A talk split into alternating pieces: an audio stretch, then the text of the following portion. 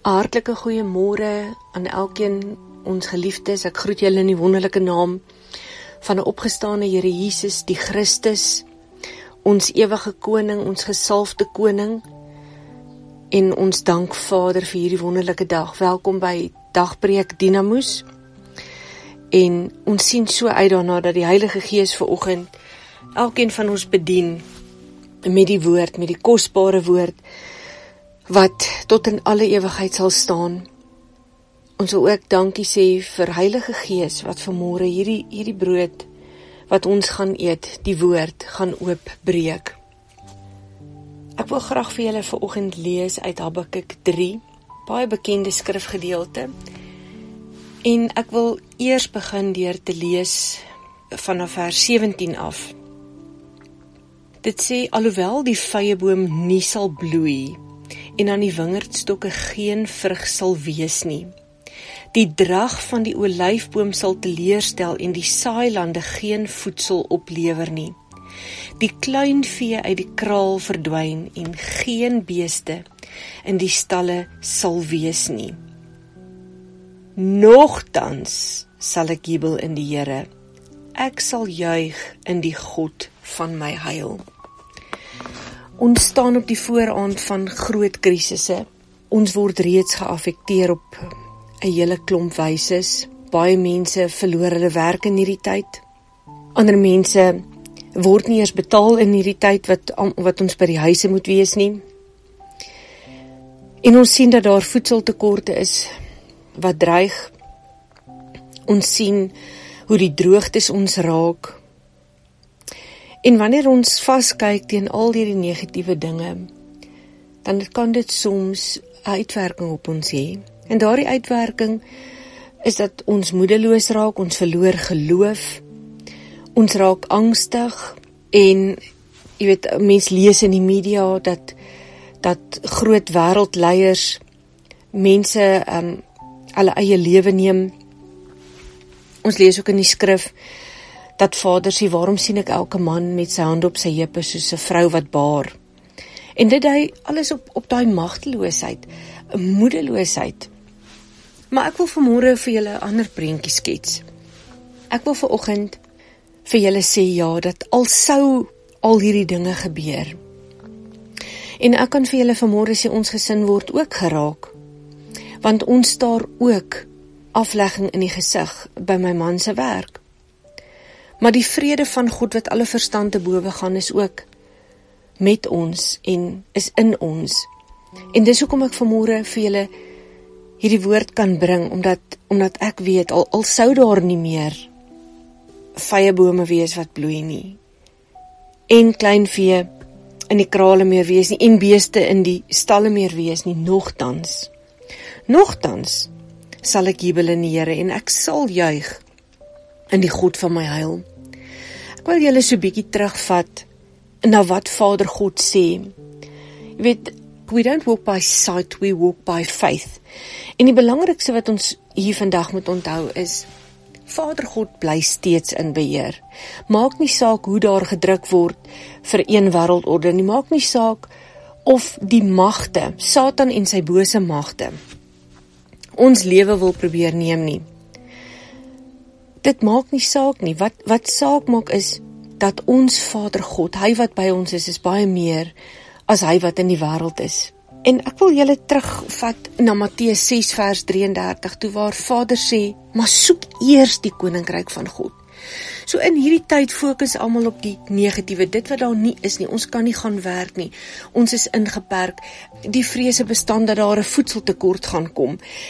Die vrees bestaan dat dat mense uh nie weet of hulle nog salarisse gaan kry nie. Die mense vrees oor 'n klomp dinge, oor of hulle hierdie virus gaan optel. Dan sê Vader, soek eers die koninkryk van God. Soek eers die koninkryk van God. Hierdie is waarlik 'n tyd wat ons op ons knieë moet gaan, wat ons wat ons saam met Vader moet moet trek aan hierdie aan hierdie wa wat ons deur die drif moet kry. Dis in hierdie tyd wat ons Vader God moet vertrou. Elke woord, elke jota en titel in hierdie Bybel is dit wat ons moet vasgryp. En dit is waar ons moet gaan en sê ons soek eers die koninkryk. Vader, ons val op ons knieë neer Jakobus 4 vers 8. Ons onderwerp ons aan U. Here, ons sal nie vrees toelaat nie. Here, ons sal nie toelaat dat Satan vir ons lieg nie, want U woord is die waarheid.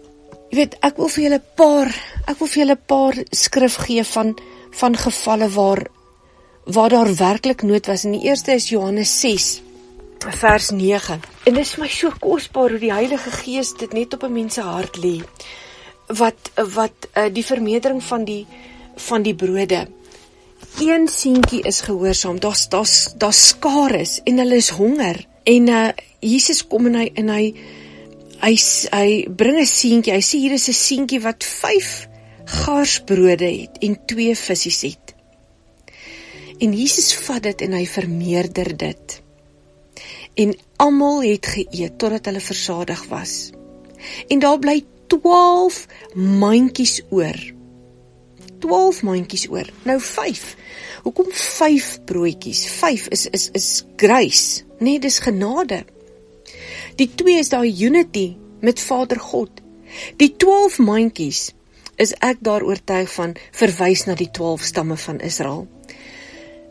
Maar kyk hoe vermeerderheid in daardie tyd wat daar honger is, kom Jesus en hy doen daardie wonderwerk omdat een seentjie bereid was om daardie 5 garsbroodjies en 2 visse te gee.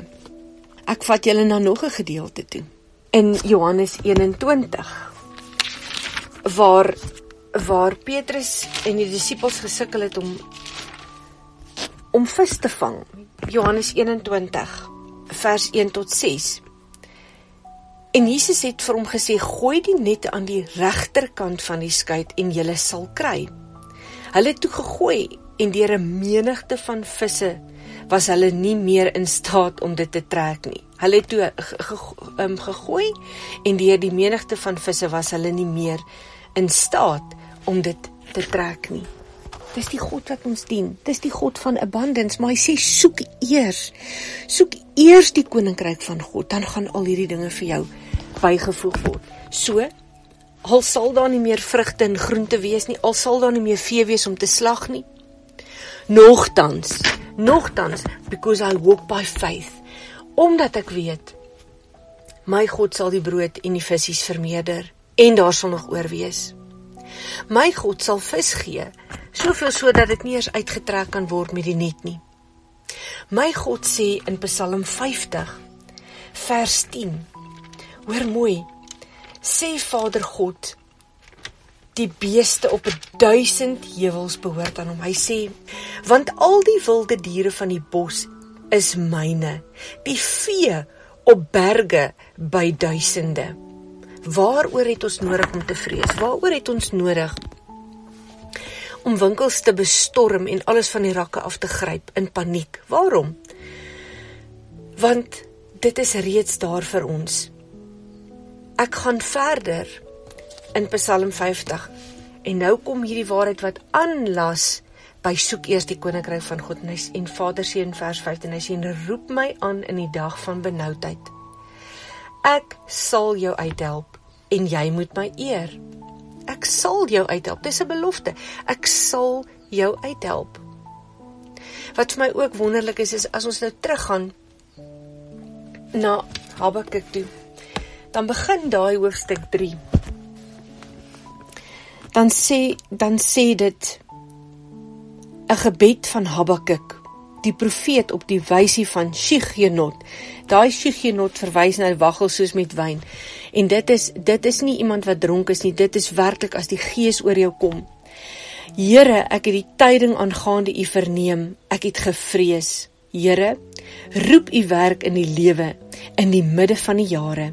In die midde van die jare laat dit bekend word in toren dink aan ontferming. God kom van Teman en die heilige van die berg Paran en dan sê dit Sela. Sy majesteit bedek die hemel en die aarde is vol van sy lof. En glans so sonlig is daar. Ligstrale aan sy sy en daar is die omhulsel van sy krag. Hoor baie mooi wat sê vers voor hom uitloop die pes en 'n koorsgloed trek uit agter hom aan Hy tree op en laat die aarde wankel.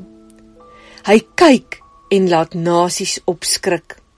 Verpletterd lê die ewige berge en neergesink die ou ou heuwels. Paaie van die ou tyd vir hom. Nou daardie heuwels, daardie heuwels en berge verwys na aardse koninkryke ensovoorts. Ek gaan nie nou daarop ingaan nie. Maar as ons se God, ons almagtige Abba Vader, so kragtig is dat hy die aarde kan laat wankel en dat die pes voor hom uitloop en die koors gloed trek agter hom aan. Dan wie's ek en jy om te vrees vir die dag van môre? Wie's ek en jy dan om bang te wees vir voedseltekorte of dat ons nie meer werk sal hê nie? Want ons God is ons voorsiener. Ons God is ons geneesheer. Ons God is ons beskermer. Dis hoekom dit is hoekom uh, die profeet kon sê: "Nogtans sal ek jubel in die Here, ek sal juig in die God van my heil." Ek wil ek wil afsluit met 'n skrif in Sefanje 3 vers 12. Wat Vader gesê het en ek sal tussen jou in laat oorbly, 'n elendige en 'n geringe volk wat by die naam van die Here skuilings soek. Daardie gering is armoedige, elendige en 'n armoedige volk wat by die naam van die Here skuilings soek. Maak nie saak wat by ons wat met ons gebeur en wat in ons land en in die wêreld gebeur nie. Die Here sê, hierdie volk van hom wat hy uitget kies het, sal by sy naam skuil. Dis hoekom dit so belangrik is dat ek en jy eers die koninkryk moet soek. Ons moet afsonder As jy nog nie jou hart vir die Here gegee het nie, as jy nog nie jou lewe vir hom gegee het nie, doen dit nou. Dis nou die tyd. En ek wil vandag vir julle ook nog iets leer in Malagi wat Heilige Gees nou vir my sê ek moet vir julle sê. Jy sal nie 'n gebrek hê nie. Jy sal nie jy sal nooit 'n ge, gebrek aan voedsel hê en aan voorsiening van Vader God hê nie, maar daar's 'n baie groot um geheimenis daar agter, 'n goue sleutel. En dit is in Maleagi 3. Wat Vader God sê, bring die hele tiende na die skathuis sodat daar spys in my huis kan wees en beproef my tog hierin sê die Here van die leerskare of ek vir julle nie die vensters van die hemel sal oopmaak en op julle 'n oorvloedige seën sal uitstort nie. Dit skakel baie mooi by die beeste op 'n duisend ewels wat aan Vader behoort. Maar hy sê bring die bring die tiende gee ons ons diendes, sorg ons vir die arme, maak ons seker dat daar spys in Vader se huis is. Daar is 'n gemeente hier in Pretoria waarvan ons ehm um, soms uh, uh die dienste bywoon wat wat absoluut sorg vir die arme. Dit wat inkom gaan uit en ek het dit self met my eie oë gesien hoe hierdie armes in rye staan en hoe daaraan hulle voorsien word. En ek wil vandag sê, dit is jou sleutel soek die koninkryk van God. Bring jou tiende na die skathuis. Jy moet dit nie terughou nie sodat jy in oorvloed kan ontvang. Want nogtans sal ek jubel en juig in my Here. Nogtans weet ek my God besit die die vee, die die wilde diere en die beeste op 'n duisend heuwels. Ek weet hy sal die brood en die visse vermeerder. Ek weet hy sal daardie net so vol met vis maak dat ons dit nie eers sal kan uittrek nie. Dankie vir u oorvloed my Abba Vader. Dankie my Vader. Dat maak nie saak wat daar buite is nie. Maak nie saak hoe elendig dit lyk nie. Nogtans sal ons jubel en juig in ons hemelse Vader. Gisteraand het ons die shofars geblaas en en ek en my seun het ons musiekinstrumente uitgehaal en ons het Vader geloof en ons het hom geprys totdat my vingers naderhand nie meer daai snare kon vashou nie. En dit is wat ons moet doen in hierdie tyd. Eerder as om al hierdie negatiewe nuus te kry, daar's so oorvloed daarvan, maar wanneer hoor ons die goeie nuus, die blye evangelie, die hoop wat vir Israel daar is, die hoop wat ons nie sal beskaam nie. Ek groet julle in die wonderlike naam van Jesus.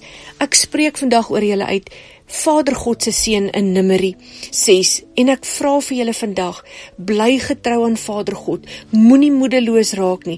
Walk by faith and not by sight.